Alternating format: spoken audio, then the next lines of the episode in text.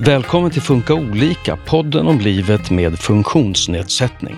Att få veta att man själv eller ens barn har en funktionsnedsättning påverkar hela livet. Johanna Bergström och Victoria Hammarstedt har båda barn som fick diagnos som spädbarn. Hur hanterade de att få beskedet och vilket stöd finns att få? Ja, men när läkaren sa det första gången så var det ju som att man ville stanna tiden. Och nästan som en film, att jag var liksom ovanför. Jag ville stanna och bara titta utifrån. Det händer inte mig.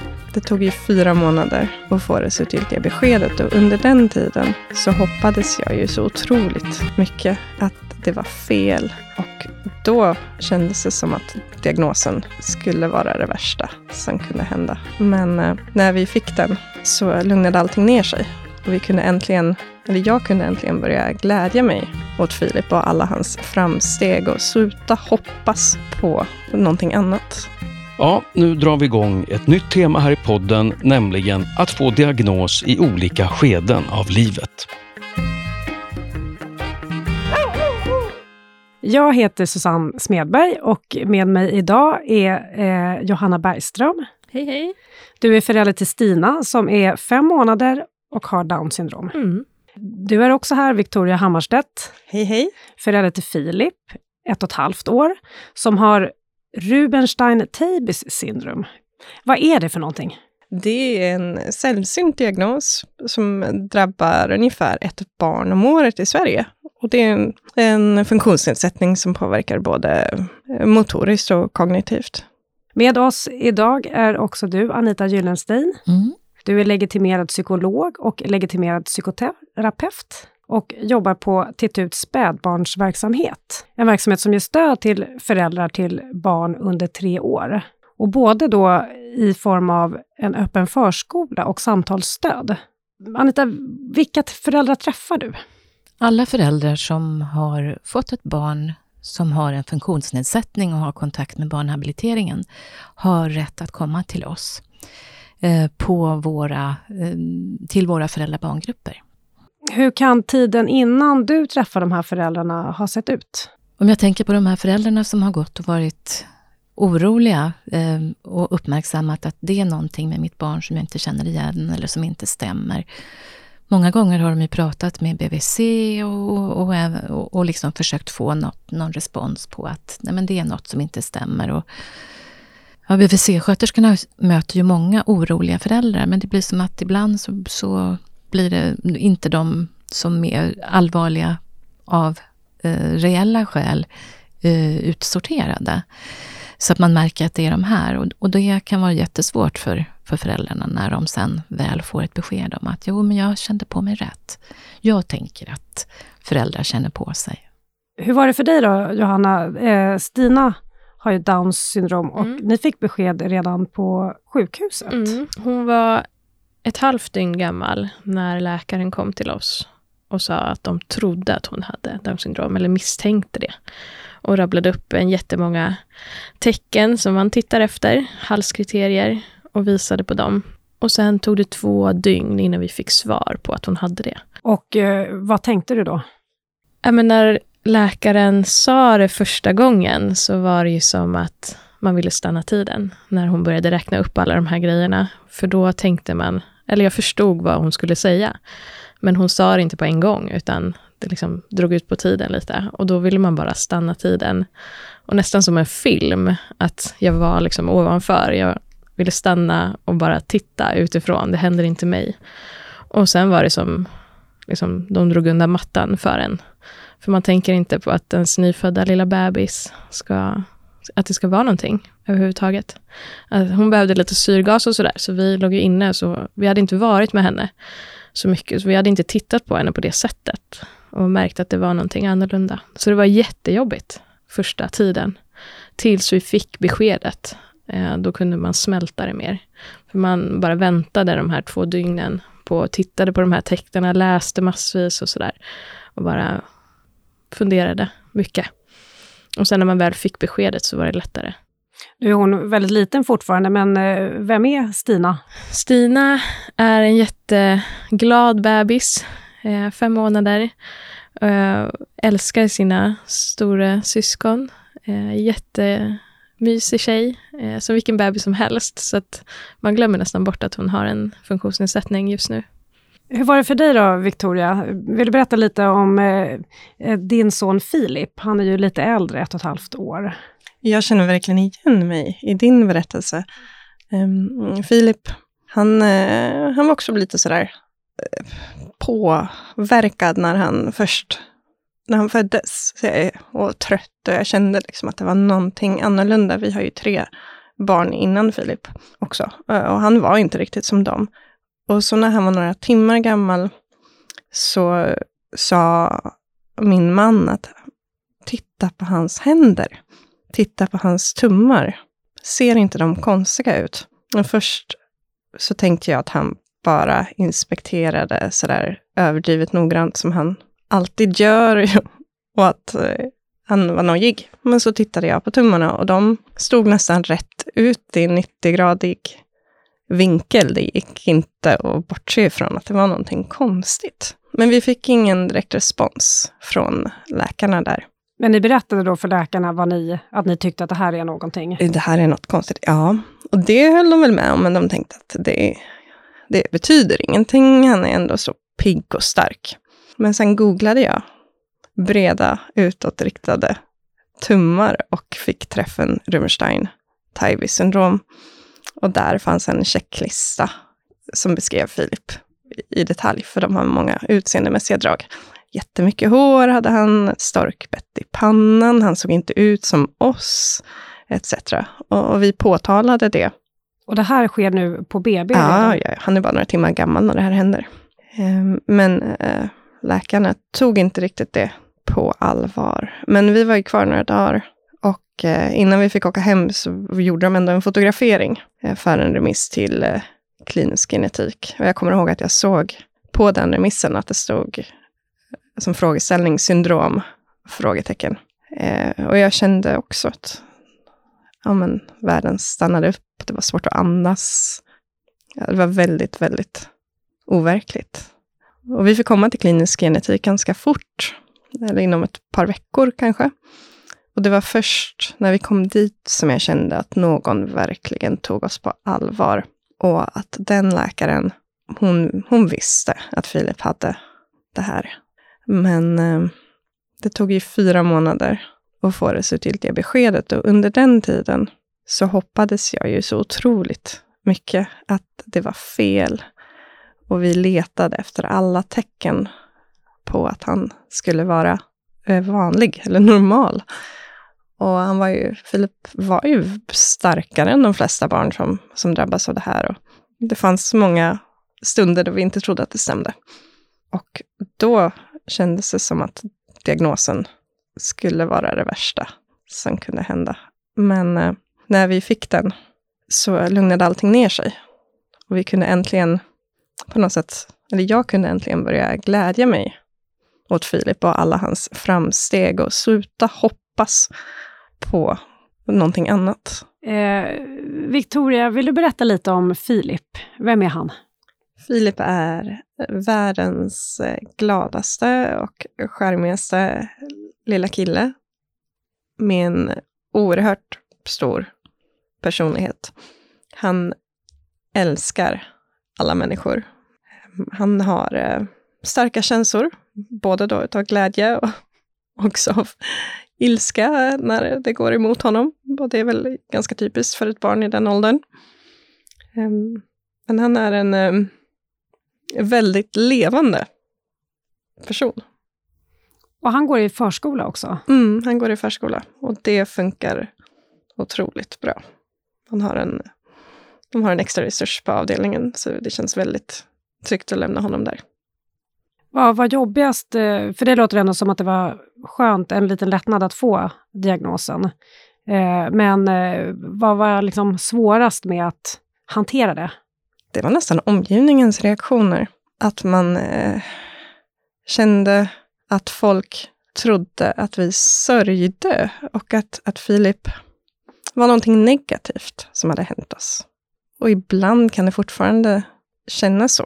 Vad, vad gjorde ni när ni väl fick besked om diagnos? Du hade anat eh, länge, både du och din man Victoria. Och eh, Johanna, ni fick besked eh, på sjukhuset. Ja, vi var inne i en, en bebisbubbla. Och alla så här, grattishälsningar strömmade in på sociala medier och sådär. Och vi låg inlagda och ingen visste någonting. Så vi var ju mycket sådär oroliga för hur skulle vi göra för att berätta? Ska vi ringa allihopa?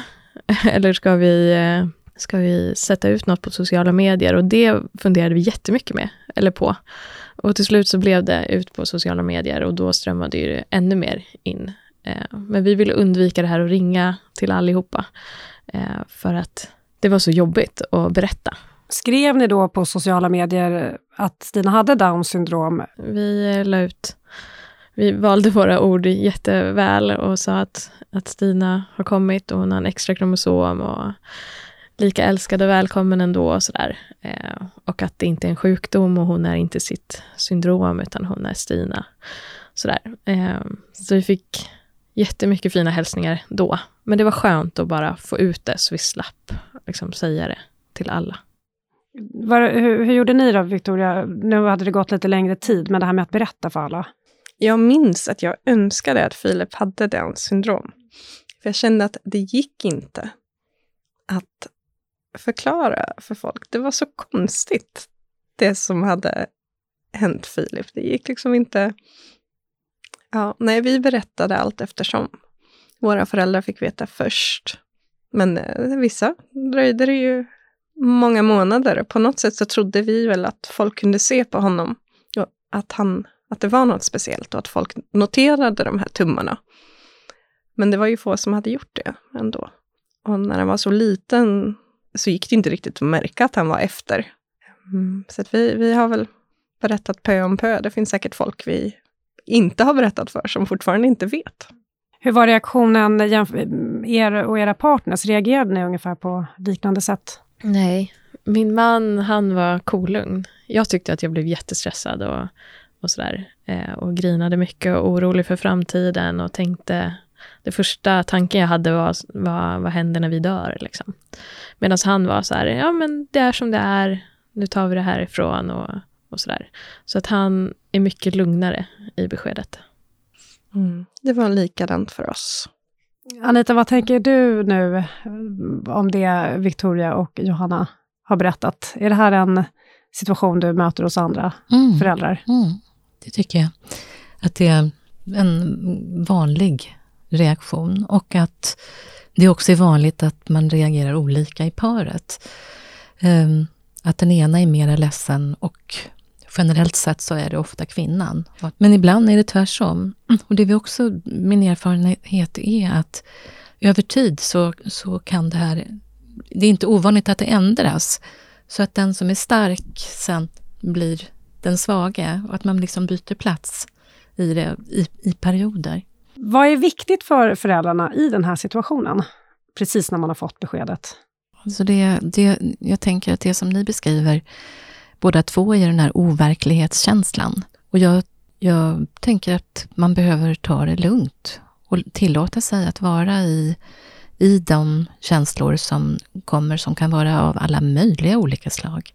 Ja, att, att ta sig själv på allvar, tänker jag är, är centralt också för vad, vad som ska komma sen.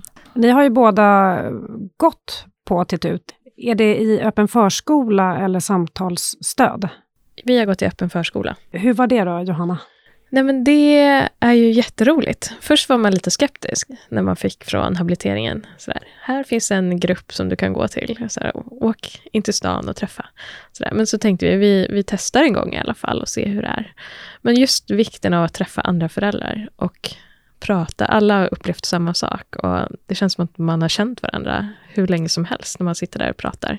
Och ofta hamnar man i samtal om besked och oro och sånt där. Och det är så skönt att kunna lufta det. Så jätteroligt är det. Och du har också gått eh, i den här öppen förskola? Mm, det har vi gjort. Vi gick väldigt eh, slaviskt på alla tillfällen vi bara kunde under den perioden som Filip inte gick på, för, på vanlig förskola. Vad var det som var så bra med att vara där, tyckte du? det var ju den enda platsen där jag inte kände det som att vi var annorlunda och stack ut. Det var som att gå till en vanlig öppen förskola med de andra barnen och en väldig gemenskap. Vad var det som var viktigt med att träffa andra?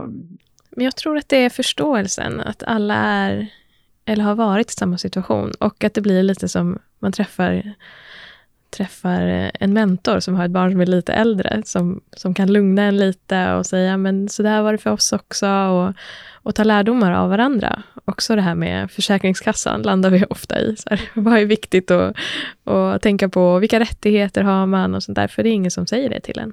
Anita, jag tänker det är ändå några ämnen som eh, har nämnts här lite, acceptans, eh, eh, framtid. Är det liksom vissa saker som man kan behöva hantera ganska tidigt?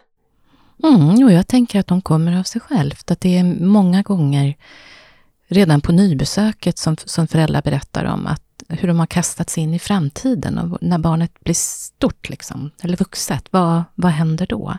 Och det är ju en, en reaktion som är inte alls är vanlig när man får ett barn som fungerar som alla andra. Oj. Nu får vi besök här av lilla Stina som är med oss, som har vaknat till. Hon kommer in här. Lilla, alldeles nyvaken. Knorrar lite. Eh, jo, vi pratade lite om eh, reaktioner och eh, hos de här föräldrarna du möter, eh, ser reaktionerna liknande ut hos de här föräldrarna eller varierar det beroende på orsak till funktionsnedsättning eller funktionsnedsättning?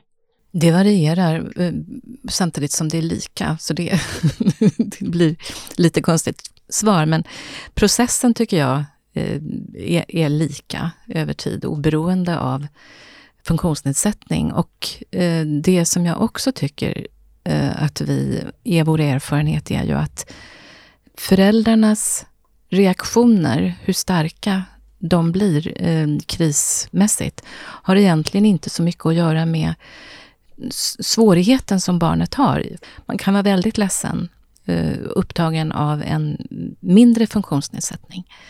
För det, det handlar om vem man är som person och hur man reagerar och vad som finns i omgivningen. Och det är så himla många faktorer som, som spelar roll. Eh, den här processen, hur ser den ut? Mm, jag tänker att från början så är det oftast när föräldrarna kommer på nybesök till oss, vi har alltid ett nybesök innan man, innan man kommer till föräldrabarngruppen. Och eh, många är ju, som, som har fått ett nyligt besked, är ju eh, ja, i det som, som Johanna och Victoria har beskrivit, att man är som i, inte i verkligheten. Och att det, att, att det också är så, tänker jag, som det alltid är, att i kris så blir vi som karikatyrer av oss själva.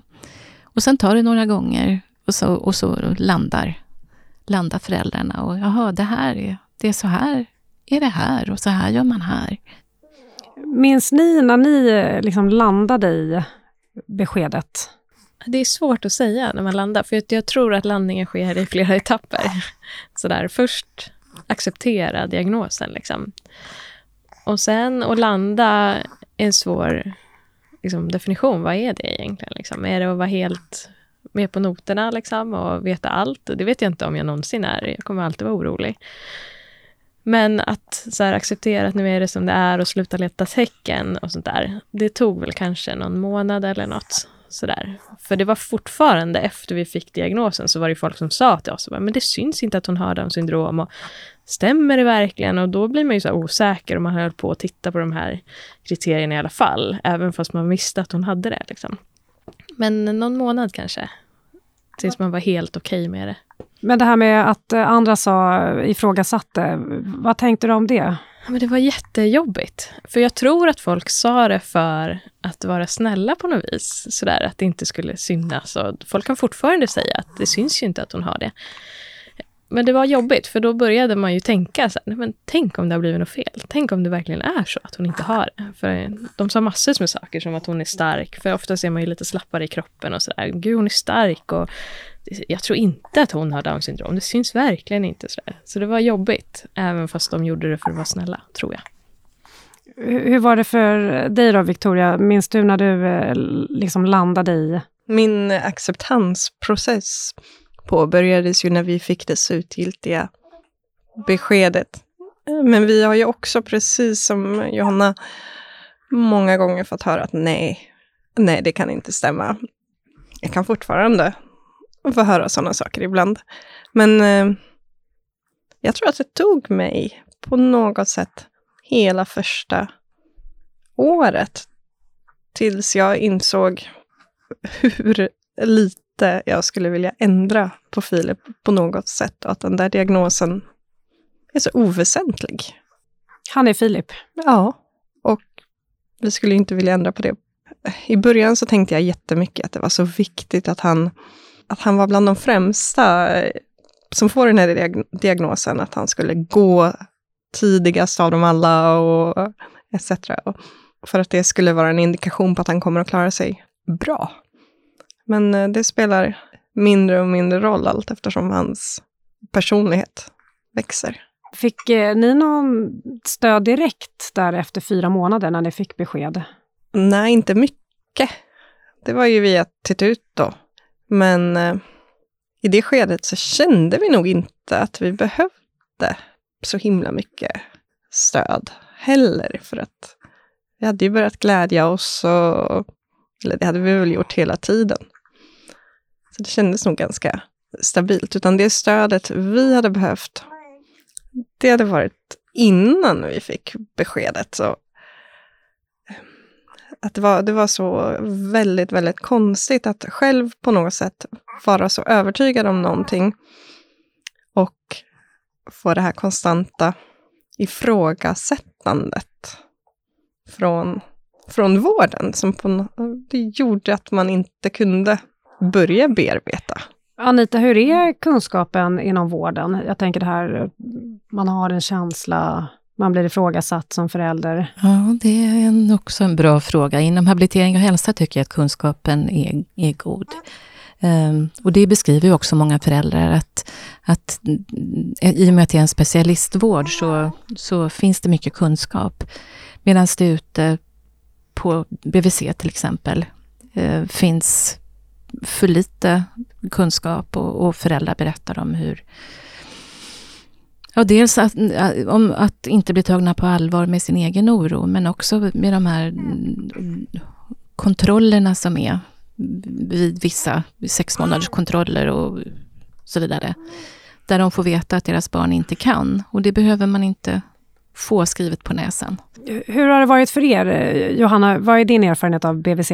Ja, men Stina är inte så gammal, eh, men jag har ju redan fått höra att hon borde öva på att sitta i stol till exempel, eh, för att stärka upp eh, sittmusklerna, när hon inte kunde hålla huvudet ens. Sådär. Men man lär, eller jag har lärt mig liksom att inte lyssna så mycket på BVC, att de inte kan. Eh, och det är ingen idé att hålla på med deras kontroller, utan jag går dit för att väga och mäta i princip. Men då vågar du ändå lita på att eh, på något sätt ignorera det de säger? Ja, för att jag tänker att vi har kontakt på habiliteringen, eh, där de håller koll på hennes utveckling. Eh, och sen kanske, jag har ju två äldre barn, som har blivit lite luttrad, men jag tänker de som har sitt första barn, så är det jättejobbigt säkert att få sånt att kan inte ditt barn det här, öva på det och inte ha någon magkänsla att gå på.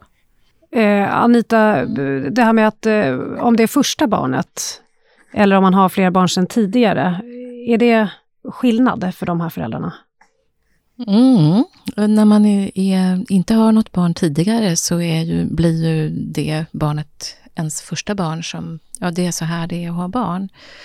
Sen är det ju ofta så att de föräldrar som har får ett barn med funktionsnedsättning som sitt första barn, tycker att, och sen får ett barn till, tycker att men åh vad bra att det var, första barnet var ett barn med funktionsnedsättning. Och de som har tvärsom, att barnet med funktionsnedsättning blir nummer två, tre eller fyra som hos er. Då tycker man att ja men vad bra, för då har jag tränat.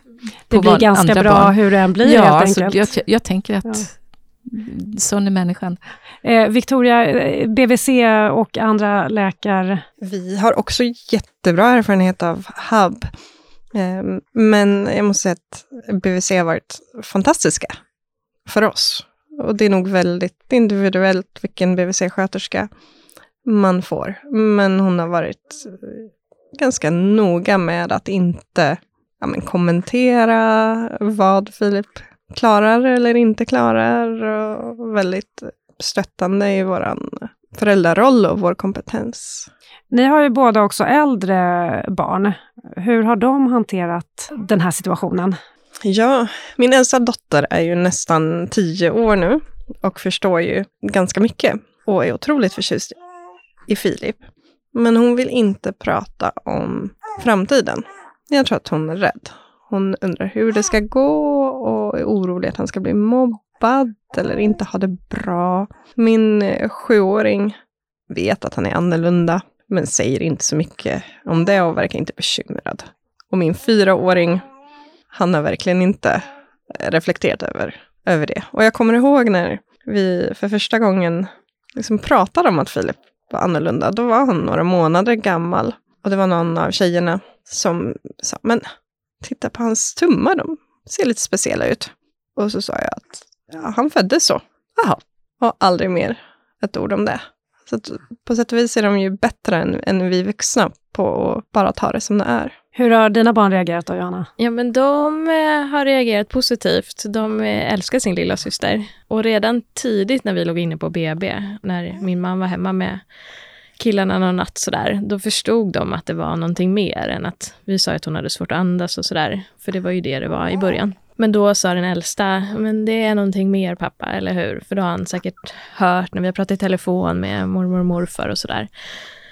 Så då berättade han och de tittade på bilder och lite filmer och sådär. Och sen var det inte så mycket mer snack om det, utan vi har fortsatt titta på, på Instagram, på sådana som visar tecken och sådär.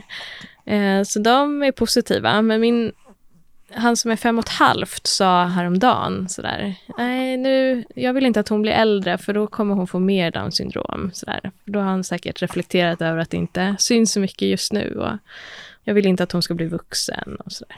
Så att de tänker nog lite. Men jag tänker det närmsta familj, hur var deras reaktioner? Alltså jag tänker mor, far, föräldrar. Min eh, mamma och pappa, de började grina när vi berättade. Eh, vi var ju också ledsna när vi berättade, så det är inte så konstigt. Och vi var ju oroliga för hjärtfel i början och allt sånt där. Eh, så de var jätteledsna och så, men har landat i det nu också. Och, och behandlar henne precis som alla andra. Jag tror att alla våra föräldrar ifrågasatte våra misstankar i början och därför inte blev kanske så oroliga. Jag tror att de tänkte att jag bara hade blivit hormonellt påverkad och jätteorolig. Trots att de också kunde se tummarna såklart. Sen är båda mina föräldrar är ju läkare och eh, läste säkert på en massa utan att diskutera det med mig. Nu nu pratar vi inte så mycket om, om det längre. Jag tror inte att de känner någon eh, sorg på något sätt över att det är som det är. Du nämnde i början att eh, annan omgivning, att det var många som tyckte synd om er och sådär. Hur har det varit med liksom eh, vänner, eh, ja, annan släkt, folk som är runt omkring? Hur har de hanterat det här? Ja, men jag tror att, att folk har tyckt lite synd om oss och tänkt att eh, först var vi ganska galna från början som skaffade ett fjärde barn och sen så blev det så här och hur sjutton ska det gå? Och eh, jag tror att de som hade barn som var precis lika gamla som Filip tänkte att det var kanske jobbigt att träffas för att vi ja, skulle bli ledsna att se deras barn. Och så var det ju verkligen inte. Men, men jag tror ändå att nu börjar nog de flesta förstå vilken eh, glädje vi känner. Nu när man träffar oss så är väl vår familj inte annorlunda än någon annan familj. Vi kan ju göra precis allt som alla andra gör och resa och arbeta och vi lämnar och hämtar på dagis och har det bra. Mm, hur, hur, har det varit för dig då, Johanna, med kompisar? Hur reagerade de? När... Det har varit på olika sätt. Eh, en del har tyckt synd om oss. De har inte sagt det, men man har märkt sådär, åh, vad jobbigt. Och och så. Eh, Medan andra har verkligen eh, kanske låtsas som ingenting. Och då kan man också bli lite frustrerad. Sådär, att det är klart att det är någonting liksom, och, och man behöver prata om det. Medan andra har visat jättestort stöd och, och frågat om de kan hjälpa till med någonting och liksom frågar om det är någonting med Stina och, och sådär. Hur vill man att omgivningen ska vara? Jag tycker att man ska våga fråga. Nästan det värsta är när de försöker fiska efter svar eh, utan att ställa frågan rakt ut, tycker jag. Eh, utan vara ärliga och fråga om de undrar över något, men också vara glada för vår skull, att vi har Stina, för att hon är liksom vårt barn, inte bara en diagnos. Man ska inte dra sig undan. Jag kände att det var många som inte vågade ringa eller höra av sig. Att man blev väldigt ensam i början. Det var tråkigt.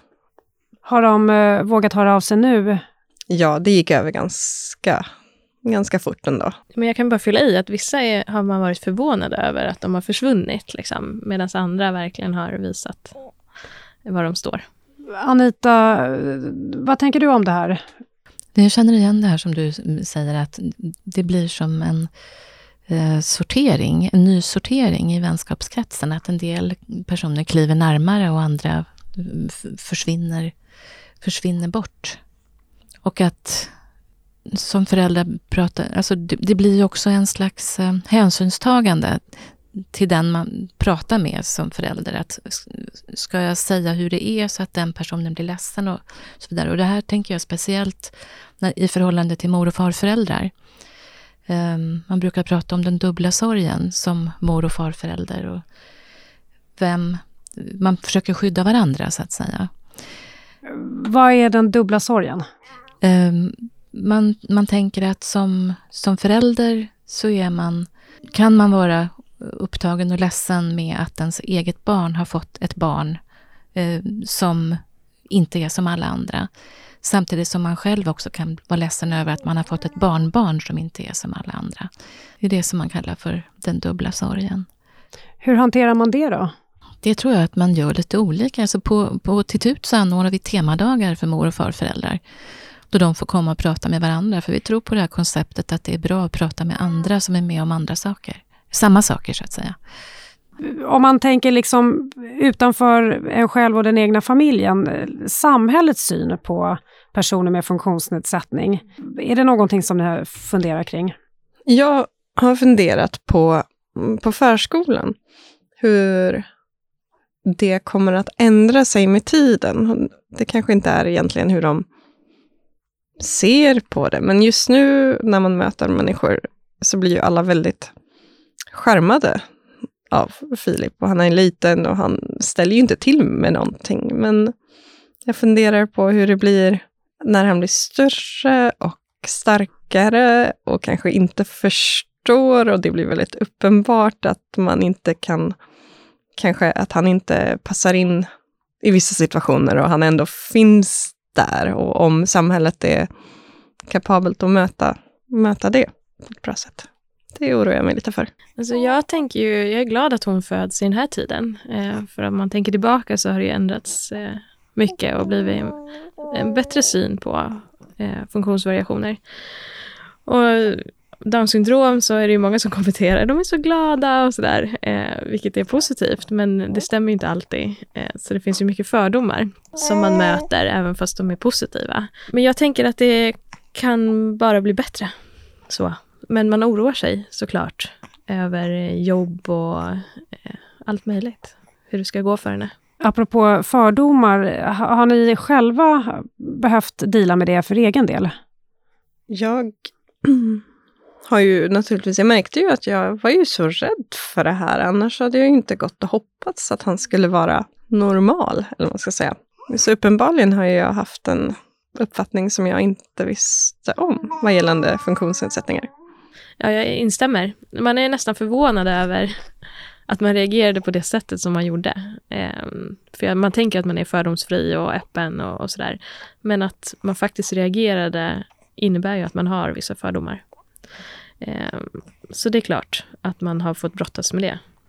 Och kanske brottas hela tiden. Jag tänker när jag läser om sådana som gör abort till exempel eh, över Downs syndrom. Det har jag aldrig reflekterat över förut egentligen. Men nu så är det jättestarkt för mig att, att lyssna på sådana människor och då får jag jobba lite med mig själv också. Vad tänker du då? då? Nej, men jag tänker ju, jag tar det personligt nu. Jag tänker att eh, de tar, väljer bort Stina, väljer bort sådana som henne och tycker att det är jättejobbigt. Medan innan jag fick Stina så, så tänkte jag väl att det är väl upp till alla individer att, att göra ett eget val. Liksom. Jag, jag hade inte reflekterat så mycket av vad det faktiskt innebär. Så att jag tänker att det finns ju en syn på funktionsvariationer eftersom man får ta bort barn med det här i samhället också. Som är jobbigt att, att stå mot och möta, tycker jag. Situationen nu då? Vad tänker ni är viktigt för era barn nu? För Philips utveckling så tycker jag själv att det viktigaste är att hitta effektiva metoder att kommunicera. Filip har ju inte börjat jollra än eh, och kommer säkert ha en liksom, ganska tydlig påverkan på talutvecklingen. Så vi satsar på tack och andra sorters kommunikation. Det är väl det som jag tror är det allra, allra viktigaste. Ja, men vi försöker leva i nuet, att eh, njuta av henne eh, och att hon är bebis. Men vi försöker också ge henne möjligheter att utvecklas framåt, som tack, prata med tecken och gymnastik och sånt där. Eh, för att ge henne de bästa förutsättningarna. Och det, men det viktigaste för henne är att se henne och, och vara nära och vara glad och glädjas med henne. Vad skulle, är det något du skulle vilja säga till föräldrar som är där du var för ja, fem månader sedan när du fick beskedet? Ja, men man vill ju säga att det kommer bli bra och försök att njuta. Det kommer lösa sig. Eh, och vara tufft och försöka liksom, ta de känslorna som är och få vara i det. Liksom. Är man ledsen så var det och, så där, och var glad också och var arg, frustrerad. Men det kommer bli bra så småningom. Jag håller helt med och eh, jag skulle väl säga också att det här behöver inte bara vara någonting negativt. Anita, om man vill eh, komma till Titut, mm. hur gör man då? Då ringer man och så får man komma på ett besök. Ett första besök.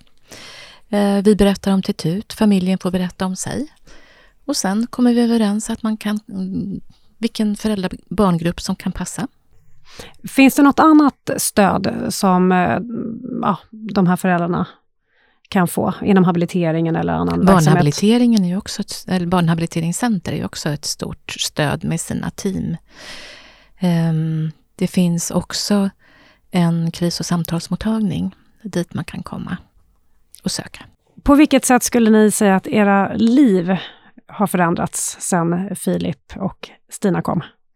Jag tycker bara att det har blivit bättre. Jag har blivit mycket bättre på att glädjas och njuta. Ehm, Dels så bjuder ju Filip inte det för att han är så otroligt glad och kärleksfull. Men eh, jag tar nog inte saker för givet på samma sätt längre. Jag tänker också att det här med att inte ta saker för givet, att det blir inte som man har tänkt sig alla gånger och sen liksom leva i nuet och vara glad för det som sker, tror jag ändrats. Då så säger jag stort tack till er, Johanna Bergström och Victoria Hammarstedt, för att ni kom idag. Och eh, kul också att ha Stina med oss i studion. Hon har ju skött sig oerhört bra, måste jag säga. Ja. Och tack också till dig, Anita Gyllenstein, eh, legitimerad psykolog och legitimerad psykoterapeut på Titt spädbarnsverksamhet, som är en del av habilitering och hälsa. Mm, tack. Och tack till dig som har lyssnat. Du har lyssnat på Funka olika, en podd från Habilitering och hälsa som är en del av Region Stockholm. I nästa avsnitt pratar vi om hur det är att få diagnos som ung och vi träffar Klara som fick diagnoserna autism och ADD i 20-årsåldern. Lyssna då!